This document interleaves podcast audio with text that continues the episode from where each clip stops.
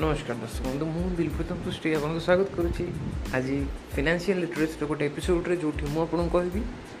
फिनान्सी literacy विषय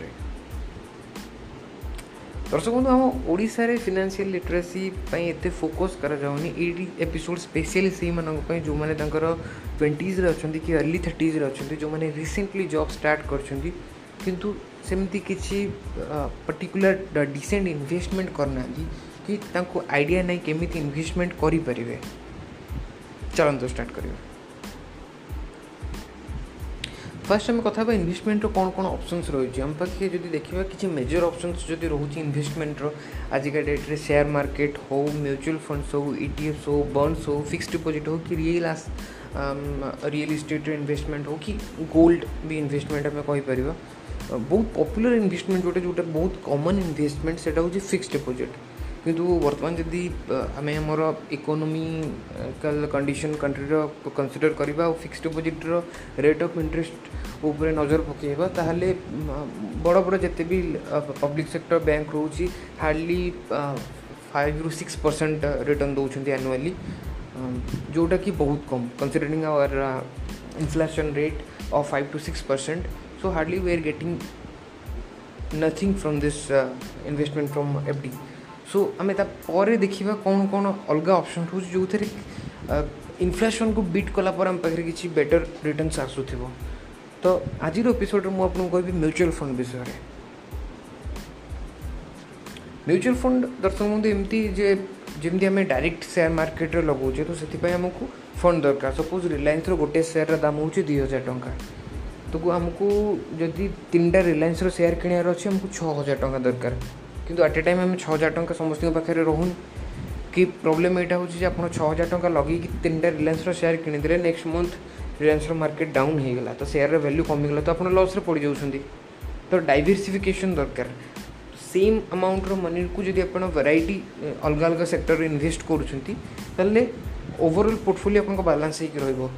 ନା କି ଆପଣ ଗୋଟିଏ ସେକ୍ଟରରେ ଇନଭେଷ୍ଟ କରୁଛନ୍ତି ତ ସେ ସେକ୍ଟର ଯଦି ବଢ଼ିଲା ତ ପ୍ରଫିଟ୍ ରହିବ ସେ ସେକ୍ଟର ଯଦି କମିଲା ତ ଲସ୍ରେ ରହିବ ତ ଆପଣଙ୍କ ପଇସାଟା ରିସ୍କରେ ଆସିଯାଉଛି ସେଥିପାଇଁ ମ୍ୟୁଚୁଆଲ୍ ଫଣ୍ଡର କନସେପ୍ଟ ଆରମ୍ଭ ହୋଇଛି କି ଆପଣ ବଡ଼ ବଡ଼ ଯେଉଁ ସେୟାର ଗୁଡ଼ା କେମିତି କିଣିପାରିବେ ଆପଣଙ୍କର ସେତିକି ପଇସା ନଥିଲେ ବି तो म्यूचुआल फंड करे कौन से मनी पुल करे बहुत गुड़े लोक आपण बहुत लोग अच्छा जो मैंने कि मंथली किसी छोट छोट इनभेस्टमेंट करा चाहते म्यूचुअल फंड से ही प्रोसेस ही कम कैर से समस्त मनी पुल कै मनी कलेक्ट करे आ गए फंड मैनेजर थाए से कंपनी जन को फंड मैनेजर रखि थाए से फंड मैनेजर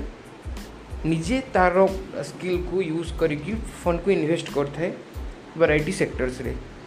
जो कंपनी थाए एम सी कहूँ एवं जो फंड मैनेजर थे तो फंड मैनेजर र एक्सपीरियंस फंड मैनेजर र नाम फंड मैनेजर र प्रिवियस जो भी अचिवमेंट अच्छी ताकू देखिकी आम इनभेस्टमेंट करूँ आ मोस्ट इंपोर्टाटली को कौ सेक्टर इनभेस्टमेंट हो रिस्क कैटेगराइजेसन को देखिकी सपोज ଆପଣ मेजर ମେଜର ଆପଣ କ୍ୟାଟେଗରାଇଜେସନ୍ ଦେଖିବେ ତାହେଲେ ସେଇଟା ହେଉଛି ଗୋଟେ ରହୁଛି ଆମର small cap mid cap large cap तो small cap mid cap large cap भितर डिफरेन्स है स्मॉल कैप